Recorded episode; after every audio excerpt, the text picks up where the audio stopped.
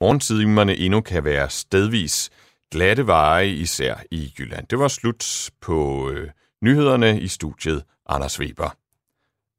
Og så skal jeg lige have fat i den rette jingle her. Den er faldet ud af båndoptageren. Hej.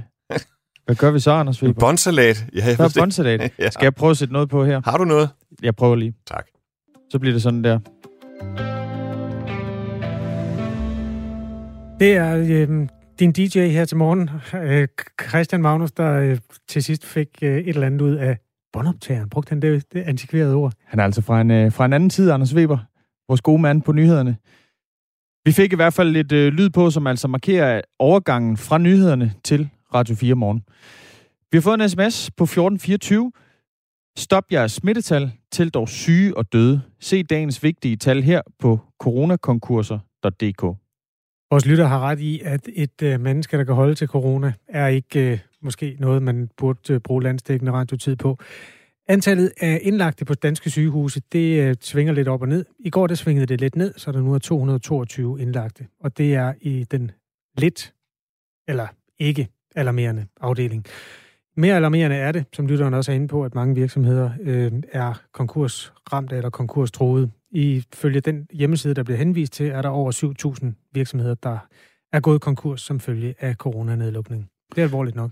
Ja, og øh, lidt i, øh, i den øh, dur, der øh, blev AstraZeneca-vaccinen jo suspenderet i går forløbigt. 14 dage har man altså indstillet brugen af AstraZeneca-vaccinen i Danmark.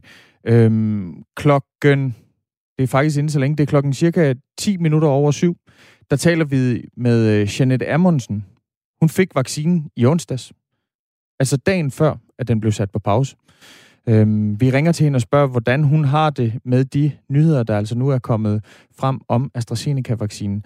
Og senere der taler vi altså også med Jan Pravsgaard, som er ekspert i vacciner, og han gør os lidt klogere på, hvad det er for et arbejde, der kommer til at køre de næste 14 dage i blandt andet Sundhedsstyrelsen og Statens Serum Institut og øh, Lægemiddelstyrelsen med at finde ud af, hvad der er op og ned med AstraZeneca-vaccinen. Kan vi fortsætte med at bruge den, eller skal den indstilles for bestandigt? Måske skal vi lige starte med at bruge lidt tid på den politiske debat om genåbningen af Danmark, som øh, kørte i går på TV2. Der var en partilederdebat, hvor man diskuterede øh, muligheden for at åbne Danmark igen.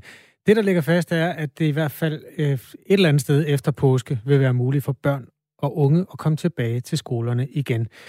Øhm, statsminister Mette Frederiksen gik forrest, men er i det her felt af politikere den mest forsigtige. Det var hun også i går.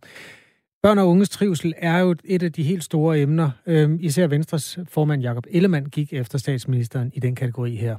Og I skal tilbage i skole, og det er vi mange, der mener, og det er vi mange, der arbejder for. Og når vi nu alle sammen står her og synes, de skal tilbage i skole, jamen hvorfor pokker er det så, statsminister? Hvor, hvorfor gør vi så ikke noget? Vi har foreslået det her i ugevis, at få de unge mennesker tilbage i skolen. Hvorfor gør vi det ikke? De er uansvarlige. De kan godt holde afstand. De kan godt tage hensyn til hinanden. Vi kan lukke ned lokalt der, hvor det er nødvendigt. Altså, corona er andet og mere end en sygdom. Det er også nogle frygtelige følger af en nedlukning. Det her, det er et tegn på mistrivsel i en hel generation. Det kan vi ikke være bekendt.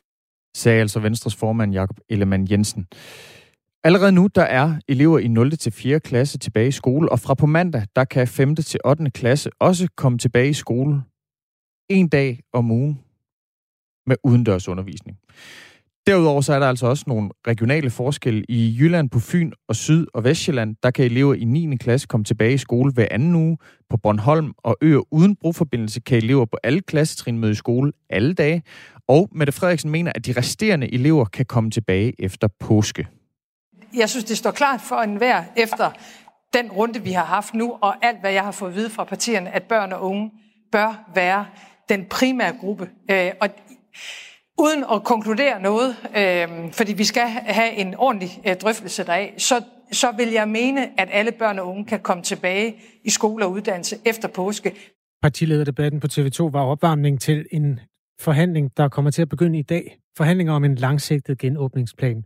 De konservatives partileder Søren Pape mener, at det kun kan gå for langsomt. Når man kan se, at der i rigtig mange kommuner er meget lav smitte, hvorfor i himlens navn er det så, at man vil være så overforsigtig og hele tiden tænke på værste tilfælde beregninger, at man ikke vil lade dem komme tilbage i skolen? Så vær da lidt kreativ. Og Nye Borgerlige, de synes slet ikke, at skolerne skulle være lukket ned i første omgang. Det sagde partileder Pernille Vermund i går. Men man skal ikke lukke et helt lands skoler ned. Det er decideret uansvarligt, og jeg synes simpelthen, at de mennesker, der står her og forsvarer, at det er sket, at de skylder at fortælle de her unge mennesker, at det, de har mistet, er venner, er socialt liv, er det trivsel og er faglighed, som jo er i for, for mange børn og unges vedkommende dannende år. Statsminister Mette Frederiksen har meldt ud, at senest 23. marts, der skal en langsigtet genåbningsplan være klar.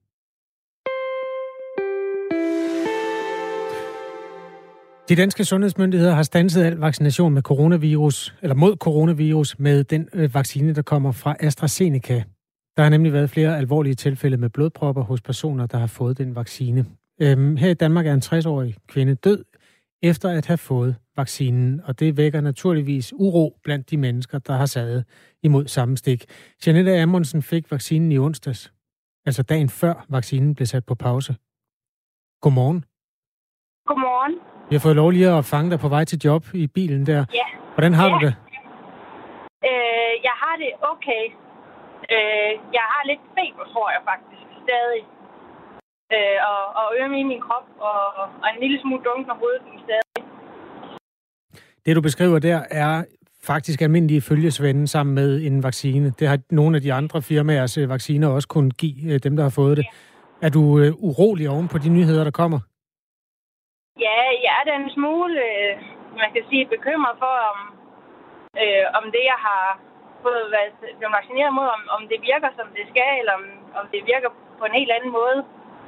Øh, om, om man har fået noget sprøjtet ind i kroppen, som man ikke helt ved, hvad er alligevel. Ja. Ja, der er Ja. nok mange, der går med den, øh, den uro lige nu. Der er godt 140.000 danskere, der har fået den her AstraZeneca-vaccine. Øh, I første omgang blev den jo tilbudt frontpersonale i social- og sundhedssektoren, da der manglede dokumentation for dens effekt på de ældste aldersgrupper, som står længere fremme i vaccinationskøen. Siden har danske myndigheder besluttet, at alle over 18 kan få den. Hvor- Hvor ligger du egentlig henne i øh, risikoskalaen?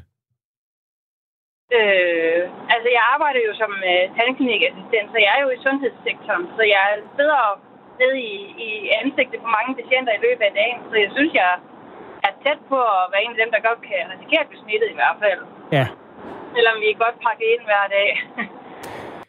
Øhm, I den gode afdeling, kan man sige, Søren Brostrøm, direktør for Sundhedsstyrelsen, han øh, siger, at det er et rent forsigtighedsprincip, der gør, at man har sat vaccinationen på pause. Jeg skal understrege, og ligesom i, at øh, de europæiske lægemiddelmyndigheder har sagt, der er ikke nogen sikkerhed for, at der er en sammenhæng. Det kan være tilfældigt. Det er sjældne tilstande, men sådan nogle blodpropper kan også godt opstå øh, hos øh, personer, uden at det har relation til vaccinen. Og det er muligt, at det ender med, efter det her undersøgt grundigt, at øh, vaccinen bliver frikendt. Men det kan altså også godt være, at der er noget omkring det her. Så derfor så pauserer vi det ind til det yderligere afdækket. Janette Amundsen, hvor lang tid gik der fra, at du havde fået stikket, til du fik det, sådan som du beskriver nu, med lidt feber og ondt i hovedet? øh, det havde jeg allerede i går morges. Og hvornår fik du jeg, stikket? der var ikke noget, der... Hvad siger du? Hvornår var det, du blev, øh, fik indsprøjtningen? Øh, klokken 18 øh, onsdag aften. Okay. Ja. Og så vågnede du og var utilpas?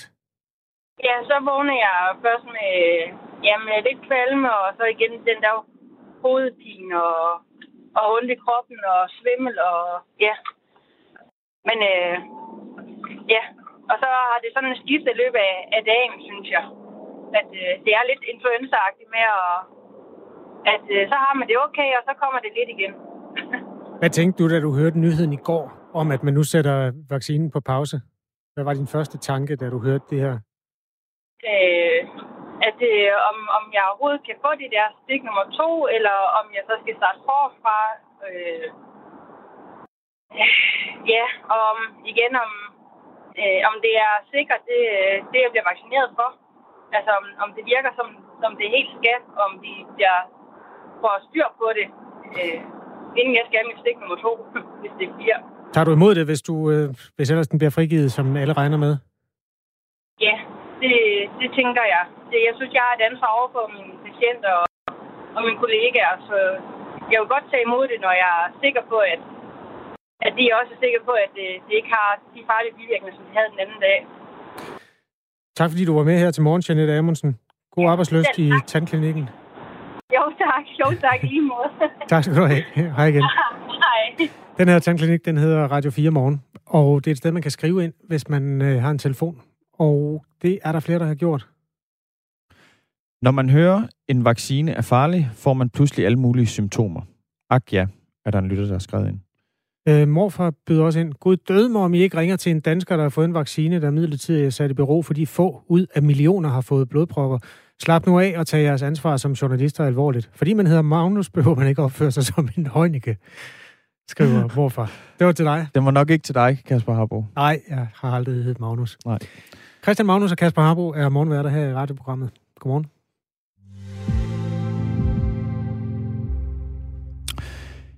En ny undersøgelse viser, at hver tiende dansker inden for de seneste fem år har købt kopier af danske designmøbler. Samtidig svarer cirka en femtedel af de adspurgte, at de forventer at købe kopimøbler inden for de næste to år. Radio 4 har undersøgt markedet for nogle af de danske kopimøbler. Vi fandt blandt andet en brugt kopi af ægget fra designeren Arne Jacobsen til 6.000. Det svarer til under en femtedel af prisen for den billigste originale Arne Jacobsen. Selvom Rettighedsalliancen erkender, at det er vanskeligt at gøre noget ved, simpelthen fordi det ikke er ulovligt at købe kopimøbler, så mener de stadig, at det er et problem. Det fortalte Marie Fredenslund, som er direktør i Rettighedsalliancen. Man risikerer, at man får et farligt produkt, fordi de ikke er produceret øh, under, øh, under ordentlige vilkår. Øh, altså øh, eksempler på lamper, der springer i luften, eller øh, farlige kemikalier, der er brugt i forbindelse med produktionen af de her varer.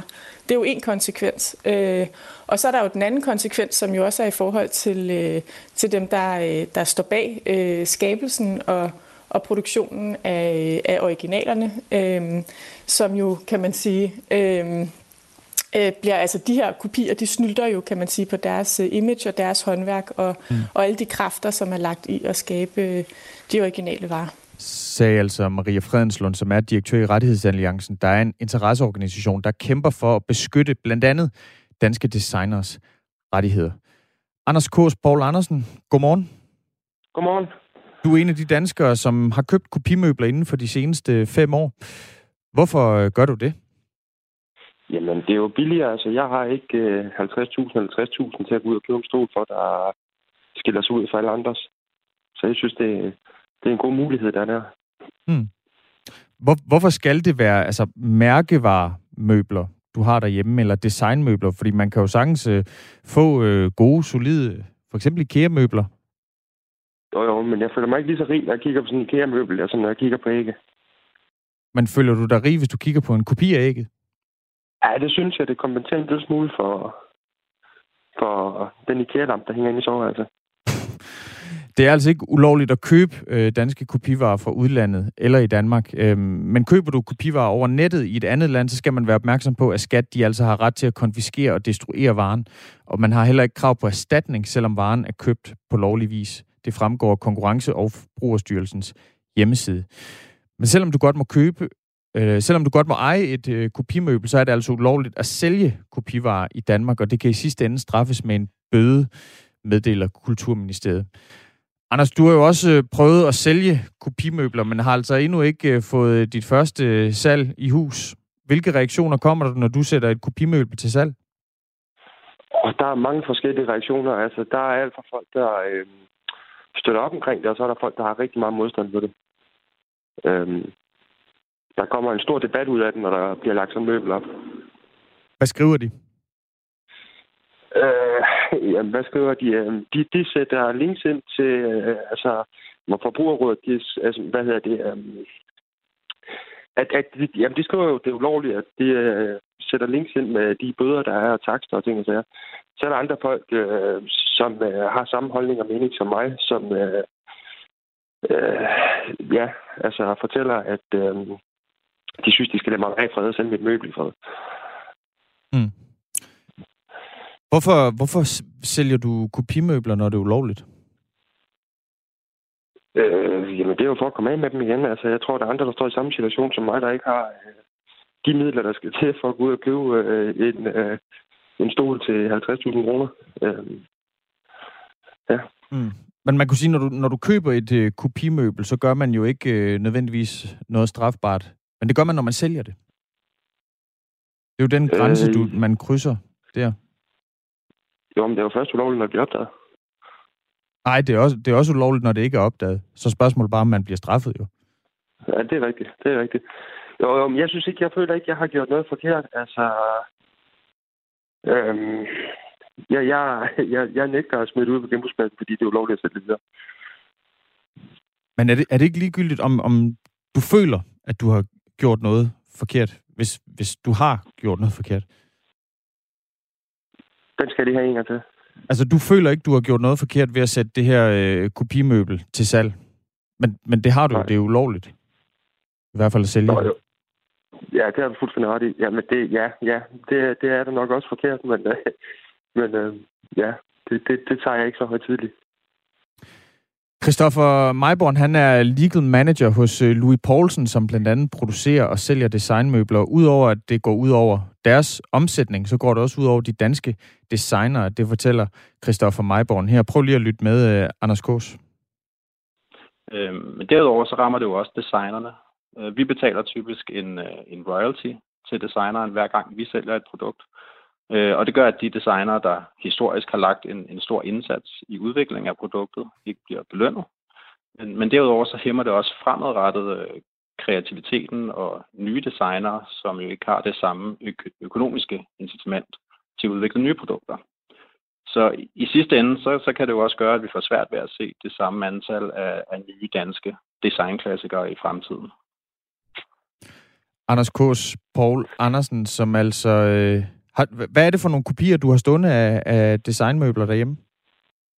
Øhm, jeg har forskellige. Jeg har koglen, og jeg har æg, og jeg har en, en Le Corbusier, øh, hedder det, Chalon. Øh, jeg har nogle Arne Jacobsen lamper, og ja. Hold da fast. Det må jeg nok sige. Øhm, tænker du på, hvad øh, at, det, at det koster øh, de mennesker, som har brugt ressourcer og brugt deres kreative evner på at udvikle det, altså den unikke danske øh, møbelkunst? Tænker du på, at det, det faktisk er, er, koster dem penge, når, når der flyver, flyder kopivarer rundt, som bliver købt og solgt? Ja, men nu tænker jeg, altså nu, nu det er kun i Danmark, at hvad hedder det, ophavsretten, den er, 75 år efter, at øh, ejeren er død. Øh, I England, der er det 25 år, og jeg ved ikke, jeg ved ikke lige, hvordan det ser ud i, i, i, øh, altså i Kina og de andre lande der. Øh, øh, Men jeg tænker, at den lille bitte del af verden, øh, som Danmarks befolkning består af, det, det, det, kan ikke, øh, det kan ikke have den store indflydelse. Der er kommet mange sms'er på den her historie. Nogle af konstateringer. Så er der også et enkelt spørgsmål til dig, som vi lige kan vende tilbage til. Øhm, der er en, der skriver... Det er Ronny. Han skriver, jeg tror, jeg vil lave et bankrøveri. Bare fordi jeg føler ikke, at det er forkert. Øh, Kenneth Fischer skriver, at det er fesen, der køber kopimøbler. Hvis alle gjorde det, så var den prestige, som du gerne vil have, så var den jo forsvundet. Og så er der spørgsmålet til dig. Anders, køber du også hælervarer? Er der en, der spørger? Nej, det gør jeg ikke. Nej, det gør jeg ikke. Okay. Øh, Kim, han skriver, en stor del af de globale knive, der hænger i danske køkkener, er rigtig gode kopier, og ejerne er stolte. Men det er kopier, og der skal en fagmand til at få det afdækket. Ja, det var lidt af det, der var kommet ind på, øh, på i posten her. Tidligere, øh, Anders Gås, øh, Paul Andersen, der, vi, der talte vi med Maria Fredenslund. Hun er direktør i Rettighedsalliancen, altså dem her, der kæmper for, øh, for designernes rettigheder øh, i forbindelse med øh, de her salg af kopimøbler. Øhm, hun fortalte også, at, øh, at de her øh, kopimøbler, de blandt andet bruges til at finansiere terror. Også at de er produceret øh, under ganske kritisable forhold for dem, der laver de her kopimøbler. Tænker du over det? Nej, men altså nu tænker jeg, hvis du køber et par Nike-sko, så er det vel også børnearbejde, så jeg laver dem. Og det kan da godt være, at min... Øh, hvad Er det det? det? Min seng...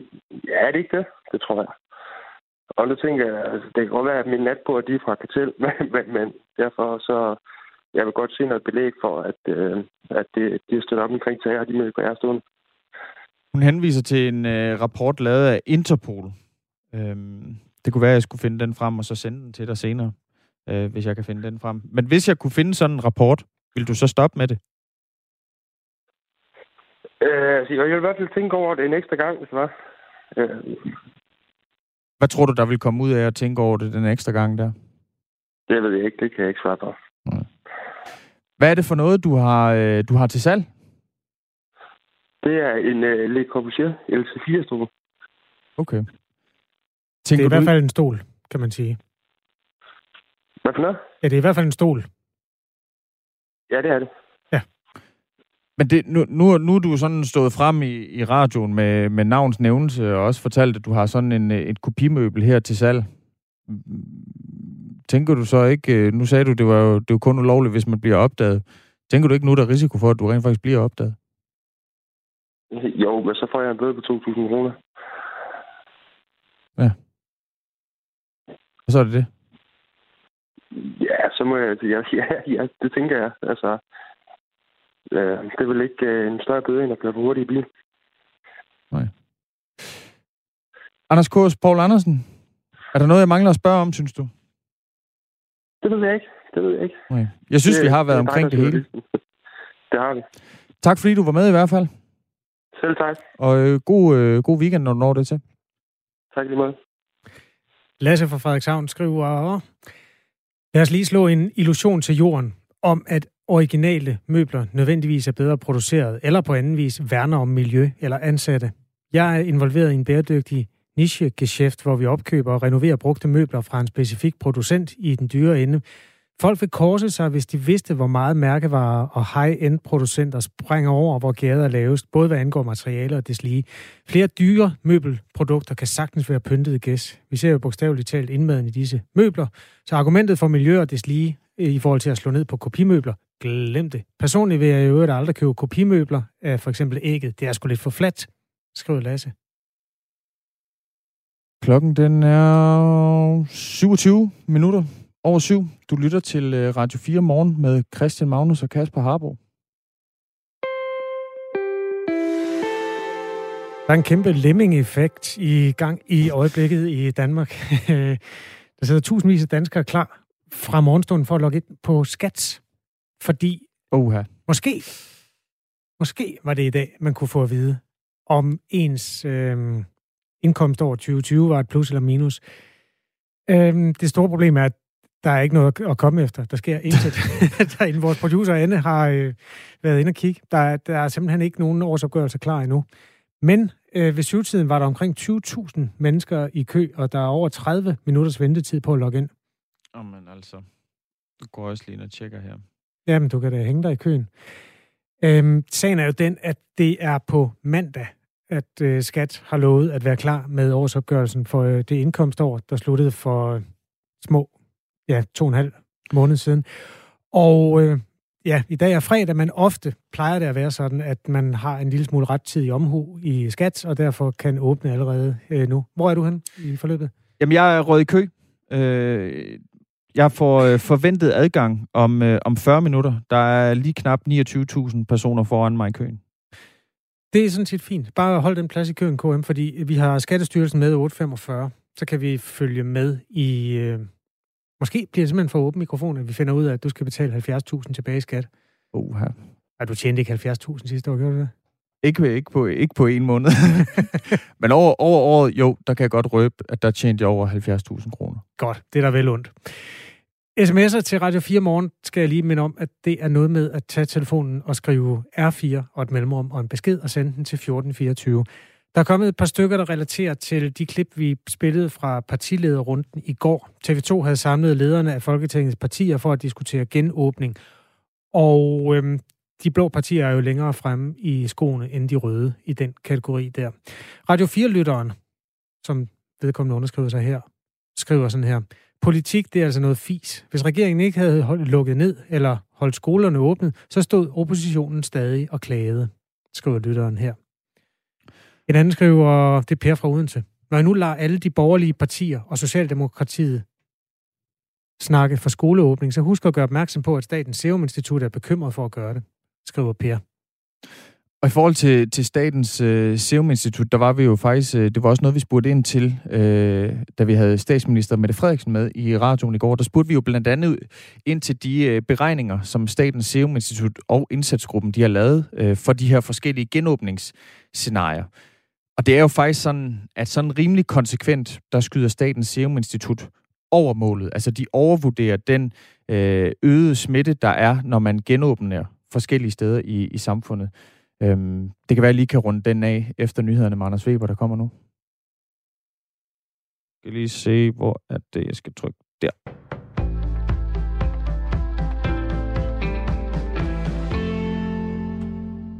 Når alle over 50 år er vaccineret, så kan vi genåbne landet. Det er der bred politisk enighed om efter en partilederrunde på TV2 i aftes i anledningen af etårsdagen for nedlukningen. Her kunne både Mette Frederiksen og Jakob Ellemann Jensen tilslutte sig grænsen ved 50 år. Enigheden kommer i forlængelse af, at Venstre har fremlagt en plan, hvor restriktionerne gradvist lempes frem til, at alle over 50 år samt sårbare er vaccineret. På det tidspunkt skal hele Danmark ifølge Venstre åbnes igen, og, det, og der skal kun ved store begivenheder med mange samlet fremvises eksempelvis bevis for vaccination eller negativ test. Og det mål tilsluttede Mette Frederiksen sig. Jeg vil gerne rose Venstres plan. Den ligger ikke langt fra, hvad de fleste partier efterspørger og selv har arbejdet med, sagde hun. Det er endnu uvist, hvornår alle over 50 år samt alle sårbare grupper vil være vaccineret. Det afhænger af leverancen af vacciner, som har vist sig at være ustabil. Samtidig var der ved partilederrunden i aftes godt nyt til børn og unge, der higer efter at komme i skole igen. Jeg tror, det er muligt i april måned at åbne op, sådan at alle børn og unge i princippet har en nogenlunde normal Øh, skole- og undervisningsdag. Så kan der være nogle lokale udbrud, hvor vi bliver nødt til at lukke ned igen. Lød det fra statsministeren, som anslår, at der formentlig kan åbnes for skolerne efter påske. Partilederne mødes igen i dag, hvor forhandlingerne om en langsigtet genåbningsplan begynder. Vaccineproducenten AstraZeneca afviser, at risikoen for blodpropper stiger, hvis man vaccineres med AstraZenecas vaccine mod coronavirus. Det skriver virksomheden i en kommentar til nyhedsbruget Ritzau i aftes. En analyse af vores data har ikke vist nogen øget risiko for blodpropper i lungerne eller i de dybe vener inden for nogen aldersgrupper, køn, i noget parti eller i noget land, der har anvendt AstraZenecas covid-19-vaccine, skriver virksomheden. Reaktionen kommer efter Danmark i går satte brugen af AstraZenecas vaccine i bero efter flere tilfælde af blodpropper kort efter vaccination. Seks andre lande har også delvist suspenderet brugen. Men den seneste udmelding fra den svensk-britiske vaccineproducent er på linje med en vurdering fra det europæiske lægemiddelagentur. I Danmark er der rapporteret et dødsfald kort efter, at en person er blevet vaccineret med AstraZenecas middel. Den største risiko for at blive smittet med coronavirus findes i vores nære omgangskreds, for eksempel blandt venner, familie eller kollegaer. Sådan ser vi i hvert fald selv på risikoen, ifølge et nyt studie lavet af Nordsjællands Hospital. Derimod oplever vi ikke den store smittefare i for eksempel offentlig transport eller butikker, det fortæller Maria Lindorf, læge ved Nordsjællands Hospital og projektleder på studiet. Det er jo de nære kontakter og de mange kontakter, de mange nære kontakter, der leder til, at man bliver smittet.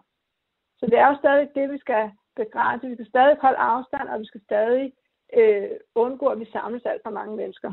Men så skal vi også huske på, at vi ser ikke nogen øget risiko ved at tage offentlig transport, og vi ser ikke nogen øget risiko ved at øh, gå i supermarkedet. Mange sidder allerede her fra morgenstunden i kø for at logge på skat.dk. På mandag åbner der nemlig for adgangen til danskernes årsopgørelse for sidste år, hvor man kan se, om man skal have penge tilbage, eller måske skylder penge i skat. Men allerede dagen, øh, fredagen inden, så plejer skat at åbne for adgangen, og for en halv time siden sad omkring 20.000 mennesker i kø, og der er over 30 minutters ventetid for at logge ind.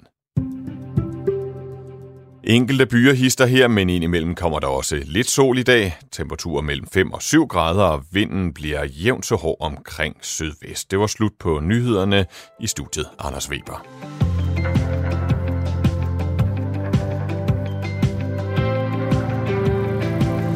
Det er den 12. marts. Det er fredag. Du har tændt for Radio 4 morgen med nyhedsvært Anders Weber. Så sidder Christian Magnus ved siden af mig, og jeg hedder Kasper Harbo. I øjeblikket er der 222 indlagte på danske sygehuse. De øh, havde ellers en frygt for, at tallet skulle gå hen og blive omkring 870 midt i april. Altså indtil tallet blev trukket i land øh, tidligere på ugen af direktøren for Statens Serum Institut, Henrik Ullum. Og det er den type øh, frem og tilbage øh, lige langt, som gør, at man har en debat om holdbarheden og validiteten af den type prognoser nu? Ja, og det er nemlig sådan, at Statens Serum Institut, de har jo flere gange, og der er jo også en, øh, en corona-indsatsgruppe, der laver de her matematiske modelleringer for, jamen altså, hvad kommer det til at betyde for smittetal, for indlæggelsestal, når vi genåbner 0. til 4. klasse for eksempel. Øhm, og det er sådan, der er flere gange, hvor Statens Serum Institut har skudt over målet. Blandt andet 7. april 2020 der forudsagde øh, Statens Serum Institut, øh, da vi skulle åbne op første gang, at der kunne være op mod 735 personer indlagt med corona i midten af maj 2020, men sandsynligvis omkring 500. Det viser så i midten af maj 2020, at der var cirka 140 danskere indlagt med corona, altså markant færre end det øh, scenarie, man ligesom havde regnet på. Det, det, det er jeg faktisk ikke sikker på, det du siger der. Der var omkring 500 i foråret, men det, det kan være, det er intensivpladser. Det er simpelthen øh, TV2, jeg har det fra. TV2.dk. Det skal jeg nok lige følge op på efter. Øhm... Men det kan være intensiv, som var den øh, hvad skal man sige, dystre forudsigelse, at der ville være brug for så mange. Fordi det var også på det tidspunkt, hvor man stod og talte respiratorer, respiratorer ja. hvor mange vi havde af dem. Lige præcis. Øh, 1. februar i år, der vurderede Statens Serum Institut, at når skolebørn i 0. til 4. klasse blev sendt tilbage i skole 8. februar, der vil antallet af smittede stige til 600 dagligt. Siden de yngste skolebørn blev sendt tilbage i skole, der har de daglige smittetal ligget på 437 i gennemsnit i den periode, altså et godt stykke under de 600. Så er vi fremme ved 23. februar i år, der har regeringens faglige referencegruppe og SSI, altså Statens Serum Institut, de har forudsagt stigende smittetal og indlæggelse i forbindelse med den forestående genåbning, og altså også vurderet, at op til 870 vil være indlagt midt i april, hvilket altså også vil være en, en tredobling fra, fra januar måned. Øh, og det skyldes altså, det var som udgangspunkt i den her ekstra smitsomme britiske variant. Indtil videre, der er det gået sådan, at antallet af indlagte den seneste uge, det har været sådan omkring de her 220-230, og Henrik Gullum, øh, som er direktør i Statens Serum Institut, han har altså også trukket i land og blandt andet på Twitter kaldt, kaldt den her øh, smittestigning, som er udblevet, det har han kaldt et meget, meget gunstigt scenarie. Det, der dog er situationen, som også beskrevet tidligere i det her radioprogram tidligere på ugen, det er, at man ikke endnu kan måle den fulde effekt af de åbninger, der skete 1. marts. Der er sådan en leveringstid på cirka 14 dage på de mennesker, der bliver indlagt, efter at man har øh, ændret på øh, samfundets indretning. Så derfor kan der øh, ske ændringer stadigvæk, men på mandag, eller i hvert fald starten af næste uge, der vil man kunne se, om det overhovedet har fået en effekt på indlæggelsestallene, at man åbnede mindre butikker fra starten af marts. Det er altså scenarier, det er grund til, at man diskuterer det der. Og øhm, det var også et af de spørgsmål, vi stillede til statsminister Mette Frederiksen i går. Hun hvis man skal koge hendes svar ned, så kan man sige, hun synes, man skal give eksperterne lidt mere credit, end de får i øjeblikket. Pointen var jo netop, at hvis man skal træffe politiske beslutninger ud fra de matematiske modelleringer, som bliver lavet, så er det jo svært at træffe den rigtige beslutning, hvis den matematiske modellering, den skyder over målet. Klokken den er 22 minutter i 8. Det bliver en lille smule ved coronaen, og øh, det, der skete for et år siden, hvor vi vågnede til et Danmark, som var lukket. Alle skoler og dagtilbud lukkes fra på mandag og to uger frem. Og jeg vil opfordre alle forældre og familier, der allerede fra i morgen kan holde børnene hjemme, til at gøre det. Det er særligt den del med de helt små, der gav udfordringer for hårdt arbejdende mennesker, der både skulle være til møde på deres computer og passe et barn på ja, et sted mellem 9 måneder og 3 år. Det her det er blevet undersøgt øh, til bunds nu af det Nationale Forsknings- og Analysecenter for Velfærd. Og den undersøgelse, den er altså kommet. Det, vi skal lige have noget kød og blod på den historie. Helene Tranholm Jonsen er med os nu. Godmorgen. Godmorgen, I to. Mor, mor til to. Oliver på Ja. 4,5 og Eva på 2,5 Lige præcis. i Aalborg. Og projektkoordinator i et filmdistributionsselskab, skal vi også lige Ja. sige. Øhm, Hvordan var Hoved, hovedsageligt mor til to dog. ja, det er den hårdeste periode i dit liv, du har i gang med nu, skulle jeg hilse at sige. Ja. Glæder dig. Det, det bliver kun nemmere herfra. Åh, oh, det er dejligt. Hvordan var den første måned der, da dagtilbudene var lukket i foråret? Ja, så nu kan jeg jo kun tale ud fra vores egne øh, oplevelser herhjemme, og jeg vil sige, da du lige spiller det klip der, der får jeg sådan næsten helt kuldegysninger, fordi jeg kan huske, hvordan man sad og så fjernsyn der om aftenen og tænkte, hold da op. Det var ikke lige, øh, det, var ikke lige det, jeg havde set komme. Der troede jeg ikke, vi var endnu, men, øh, men så var man jo nødt til at tage konsekvensen, og det var da en omvæltning, kan man vist roligt sige. Så Ja. ja. Hvordan, altså, det var en måned, hvor der skete en hel masse ting i alle menneskers liv, men hvordan var Ja. jeres familie påvirket? Altså, hvordan, hvad skete der i løbet af den måned der? Jamen altså, det endte jo faktisk med at blive to måneder, øh, lidt over to måneder, kunne vi så se siden, øh, sidenhen, men, men altså, det startede ud med, at man var nødt til at lægge en plan for, hvordan man lige kunne gøre med, med to børn, der ikke øh, kan komme afsted, og øh, herude, hvor vi bor, der er lukket alt ned, altså vi måtte ikke komme på legepladserne og sådan nogle ting, det alt var lukket helt ned, for at folk ikke skulle stemme sammen, eller være i berøring med de samme overflader for meget, så, øh, så det var ret ekstremt, vil jeg sige. Øh, men altså efter, efter det første chok ligesom havde lagt sig, og man, man begyndte at se på, hvad kan vi så gøre, så, så synes jeg, altså man, man fik jo en anden hverdag. Man lærte at, at, ligesom at, at leve på den måde, som, øh, som man kunne. Jeg synes, det største problem, eller den største udfordring, var jo det her med, at de også sagde, lad være med at sende dem hjem til bedsteforældrene. Øhm, og for det var jo det første, man normalt ville gøre, hvis man havde det her. Så ville man tænke, hvem, hvem kan de hjælpe? Hvem kan vi lige trække på, der kan gøre det lidt øh, nemmere for os nu? Men der var ikke nogen øh, at trække på, så det, det blev en lille lukket familie, der sad herude i Aalborg, men, Hmm. men ikke nødvendigvis kun dårligt, vil jeg sige. Grunden til, at vi gør status over det her sammen med Helene Tranholm Jonsen, det er, at der i dag kommer en rapport, som sagt fra øh, VIVE. En rapport, der kortlægger hverdagskonsekvenserne af nedlukningen for småbørnforældrene, som gennem en måned eller to øh, skulle passe et arbejde, samtidig med, at de skulle passe børn. Sine Bøje Race øh, beskriver forskellen på møderne og fædrenes oplevelse. Sådan her. For fædrene, så ser vi faktisk ikke nogen øh, påvirkning af, af nedlukningen på, på de øh, ting, vi har, har spurgt ind til. Så ser vi, at møderne oplever en smule bedre trivsel på, på nogle forskellige områder. Øh, for det første, så ser vi en lavere andel af møder med så lav trivsel, at de øh, klassificeres som at være i risikozonen for stress eller depression, og særligt i øh, potentielt sårbare familier.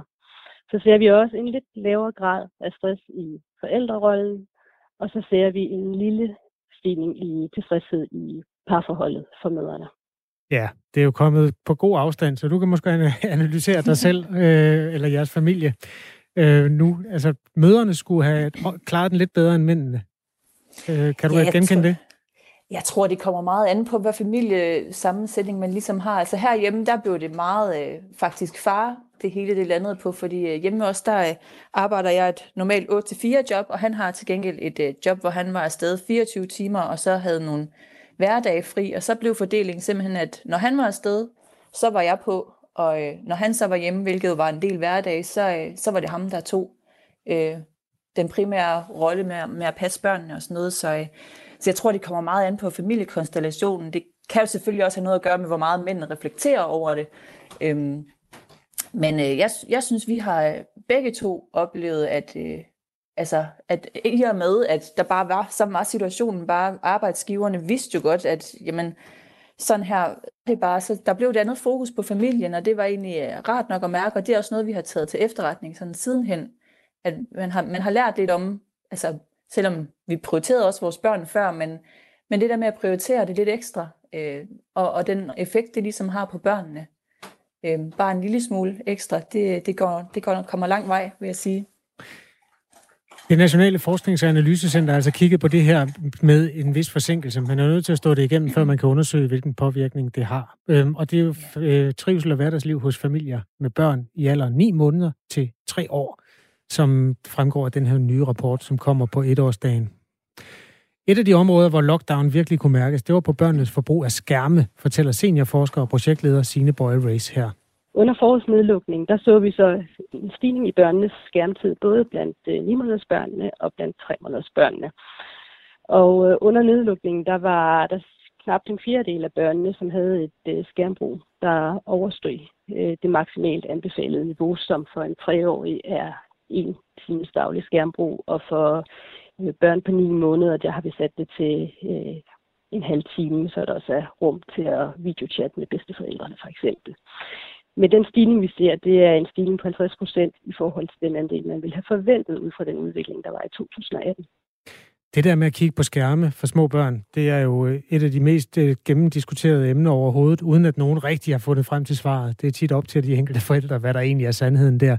Hvordan øh, var virkeligheden hos jer?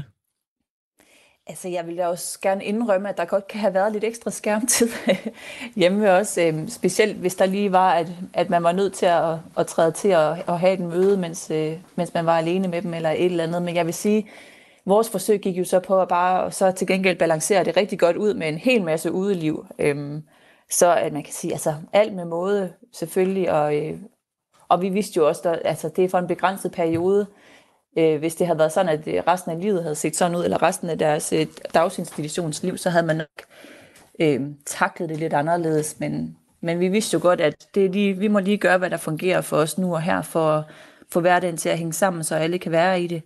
Så øh, det er ikke noget, der har bekymret mig synderligt, vil jeg sige i hvert fald, selvom der selvfølgelig har været nogle ændringer.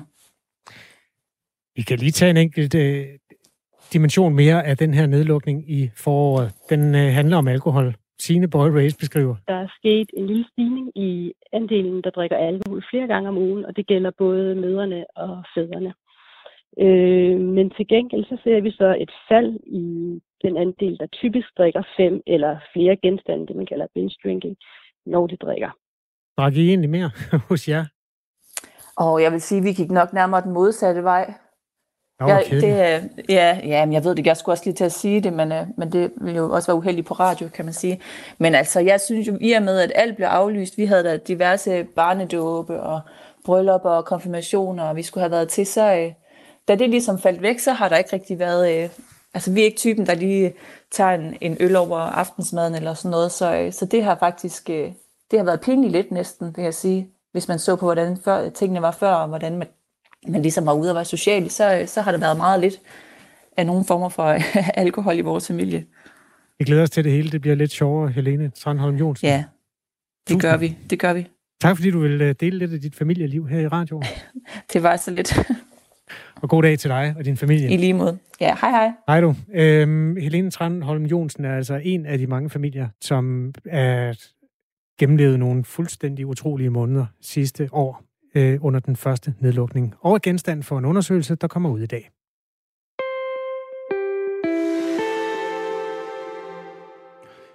En 60-årig kvinde er død med en blodprop, efter hun er blevet vaccineret med en vaccine fra AstraZeneca. Og derfor så er vaccinen nu sat på pause i Danmark i forløbigt 14 dage, imens der skal sundhedsmyndighederne undersøge, om der er en sammenhæng mellem den AstraZeneca-vaccine, som kvinden fik, og den blodprop, som hun altså endte med at dø af. Og jeg kan nu sige øh, godmorgen til dig, Jan Prausgaard Christensen, professor og vaccineekspert ved Københavns Universitet. Godmorgen. Hvordan øh, går man helt konkret til værks, når man skal undersøge, om der er en sammenhæng mellem en vaccine og et dødsfald? Jamen, når der, når der sker et dødsfald eller en anden bivirkning, som man ikke har kunne se i de øh, indledende studier, så sætter man sig jo ned og ser på, øh, hvad har patienten ellers fejlet. Og man kigger blandt andet på, øh, har de fået anden medicin, eller har de haft en underliggende sygdom, som måske har kunne give, øh, i det her tilfælde, blodpropperne. Indtil videre, der har 142.000 personer i Danmark fået første stik med vaccinen fra medicinalselskabet AstraZeneca, som altså er udviklet sammen med Oxford University. Øh, Jan Prausgaard Christen, det er jo sådan lidt, altså, der er jo flere andre lande, hvor man også har suspenderet vaccinen, og så er der andre lande, som bare siger, vi kører bare derud af. Tidligere på morgenen hørte vi blandt andet fra Sydkorea, som, som øh, kører max på med AstraZeneca-vaccinen. Det samme gør man i Storbritannien. Hmm.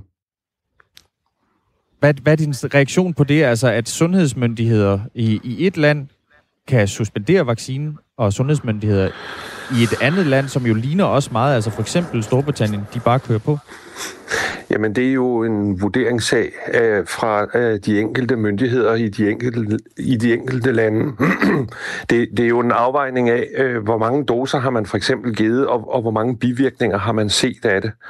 Øh, Danmark har valgt at gå ind i det med et øh, forsigtighedsprincip, fordi øh, her er en reaktion, som slet ikke øh, var blevet rapporteret før i forbindelse med øh, de indledende studier. Og der vil Danmark jo altså gerne lige være sikker på, øh, hvordan det her det hænger sammen, inden man fortsætter. Det mener jeg er sund fornuft lige at få kigget på. Øh, er der noget i vaccinen generelt, som kan give de her bivirkninger? Kunne det være det enkelte batch, altså den enkelte øh, gruppe, øh, som øh, AstraZeneca har leveret, der er noget galt med, øh, sådan så man ligesom får en, en vurdering af, om man skal smide nogle vacciner ud, fordi der er en fejl på dem, eller skal man overveje helt at stoppe vaccinationsprogrammet? Der er altså indtil videre fundet 30 tilfælde af blodpropper i tæt på 5 millioner vaccinerede, det oplyser det europæiske lægemiddelagentur.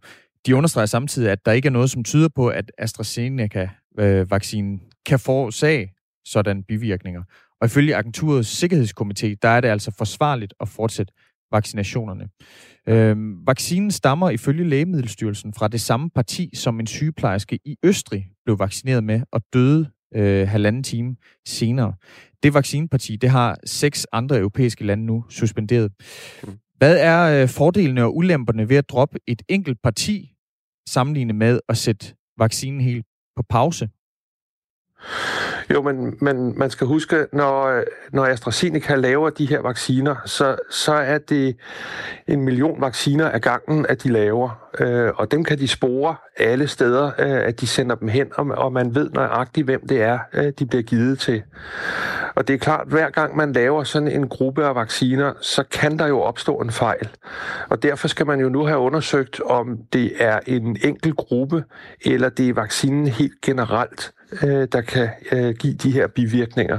Og, og der mener jeg jo, det er, det er sund fornuft lige at få kigget på, øh, kunne der have været en produktionsfejl her, frem for bare at smide det hele ud, og selvfølgelig også frem for helt at skrotte øh, deres vaccineprogram.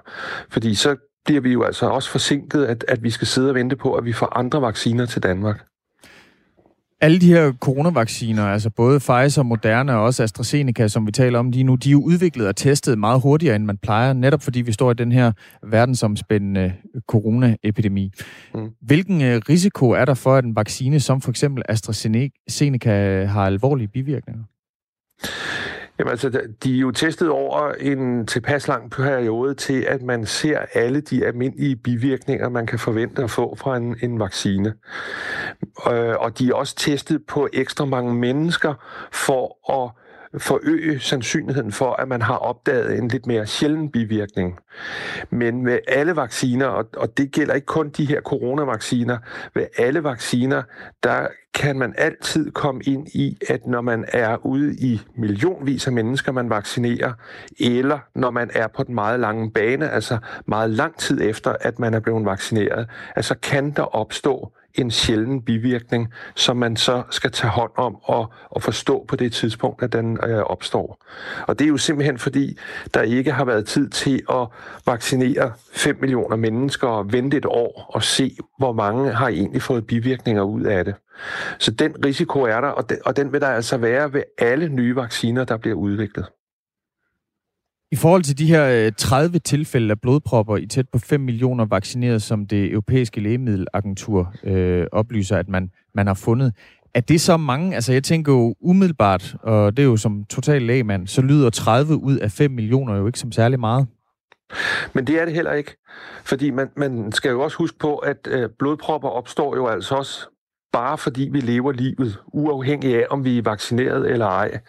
Så, så det er jo netop, at, at når antallet er så lavt, så er man nødt til at kigge ind i, er det noget, der øh, skyldes vaccinen, eller er det det faktum, at vi blot lever livet, at nogle enkelte så får blodpropper, og at det tilfældigvis falder sammen med, at man er blevet vaccineret. Fordi det er jo en af de ting, der også skal undersøges nu, at, at det er et sammenfald i tid, sådan så at vaccinen og blodproppen i virkeligheden ikke har noget med hinanden at gøre, men de er bare kommet på samme tidspunkt. Vores lytter Michael Jan har fået det første stik med AstraZeneca. Det fik han 2. marts. Michael skriver, at han er 59 år. Han vil normalt høre til det, der hedder gruppe 10, men i kraft af sit arbejde er han er placeret i gruppe 4. Det er altså grunden til, at han har fået stikket. Han har også regnet på det og når frem til det her 1 ud af 166.000, og det er ikke alarmerende. Det er til gengæld uden, ude af proportioner at blæse det så stort op. Der er ingen grund til bekymring her, skriver Michael Jan til os. Mm. Der er også post fra vores lytter David, der skriver, det er sjovt, som man tillægger dødsfald med vaccinerne underliggende sygdom. Men øh, hvis man dør af smitte fra corona, så er det altid coronaen, der får skylden for dødsfaldet, mm. skriver David. Mm. Har du kommentar til det, Jan Pravsgaard? Nej, men, men netop som, som du startede med at sige, der er ingen grund til bekymring. Og, og det mener jeg også, at der, hvor vi er lige i øjeblikket, det, det her, det skal ikke blæse stort op, og, og folk skal ikke bekymre sig. Nu skal der lige være tid til at undersøge, om det har noget med vaccinerne at gøre. Og der er en god sandsynlighed for, at det viser sig, at det ikke har noget med vaccinerne at gøre, netop fordi det har været så få tilfælde ud af de mange, der er blevet vaccineret.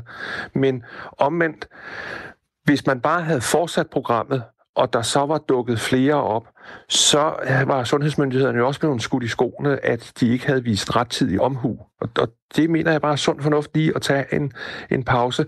Det har vi jo altså også set hos flere af vaccineproducenterne, at de har været nødt til at tage en pause under udviklingen, fordi de lige skulle undersøge nogle af de bivirkninger, der er opstået i forbindelse med testene.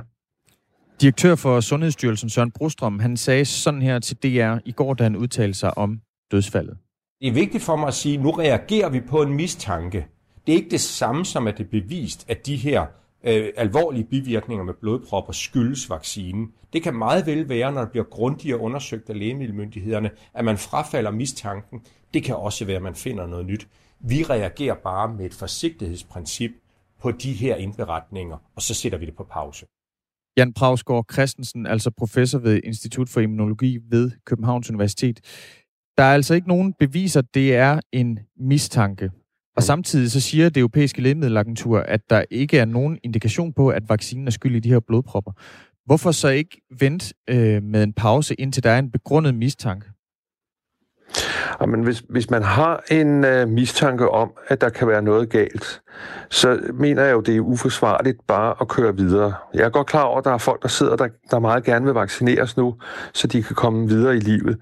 Men altså, hvis man allerede har en mistanke om, at der kan være noget galt, så, så mener jeg ikke, det er rigtigt, at man bare lukker øjnene og fortsætter. Så, så er man nødt til at reagere på det, og så er man nødt til at, at få vidshed for, at der ikke er noget galt. Og, og det gode ved AstraZenecas vacciner er jo, at de har lang holdbarhed, og de er nemme at opbevare. Og det vil sige, at de doser, vi nu ikke bruger de næste 14 dage, de går ikke tabt, hvis det viser sig, at der ikke er noget øh, øh, fejl på batchet eller fejl med vaccinen. Og så kan vi altså komme til at bruge alle doserne igen, sådan så vi, hvad skal man sige, kan få indhentet det, vi taber i tid nu her de næste 14 dage. Sagde altså Jan Pravsgaard Christensen. Tak fordi du var med. Velkommen. Professor ved Institut for Immunologi på Københavns Universitet. Udover Danmark, så har også Norge valgt at sætte AstraZeneca-vaccinen på, på pause. AstraZeneca er opmærksom på, at brugen af selskabets coronavaccine er sat på pause efter tilfælde af blodpropper kort efter vaccination. Øh, de ønsker dog ikke at kommentere på individuelle sager. Det oplyser de i en skriftlig kommentar til Ritzau. Klokken er to minutter i otte. Tidligere i radioprogrammet her, der var vi nede og kigge på de matematiske modelleringer, hvor Statens Serum Institut og øh, forskellige referencegrupper jo har haft nogle scenarier, de er gået ud fra. Og fælles for de scenarier er, at man er gået ud fra et øh, noget, der viste sig at være væsentligt mere pessimistisk, end hvad virkeligheden øh, bragte med sig. Og det er der, vores lytter Mikkel har en kommentar. Han skriver, det store øh, problem for matematisk modellering er, at vi efter et helt fucking år med masser af mulighed for at isolere en variabel, ændrede netop den og den og ingen andre. Altså, vi har ikke haft mulighed for at holde fingrene fra knapperne i fire uger. Og det er stadig ikke blevet gjort, så vi ved ikke, for eksempel, hvordan om masker virker, er kommentaren her.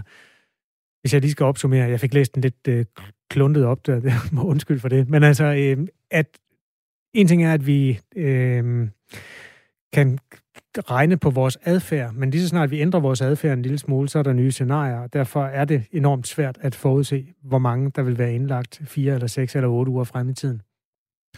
Og så har øh, vores øh, producer, Anne Philipsen, hun er jo altid behjælpelig med øh, at øh, skabe kontekst til noget af det, vi sidder og siger herinde i radioen. Øh, og der er nemlig kommet et skriftligt svar fra AstraZeneca. De afviser, at risikoen for blodpropper stiger, hvis man vaccineres med AstraZenecas vaccine mod coronavirus. Det har de altså skrevet i en øh, skriftlig kommentar. Øh, de skriver, en analyse af vores egen data har ikke vist nogen øget risiko for blodpropper i lungerne eller i de dybe vener inden for nogen aldersgrupper køn i noget parti eller i noget land, der har anvendt, anvendt vores vaccine. Skriver altså AstraZeneca i en skriftlig kommentar. Du lytter til Radio 4 morgen. Øh, ved mikrofonerne i dag er Christian Magnus, øh, Damsgaard Jensen, Kasper Harbo og så nyhedsvært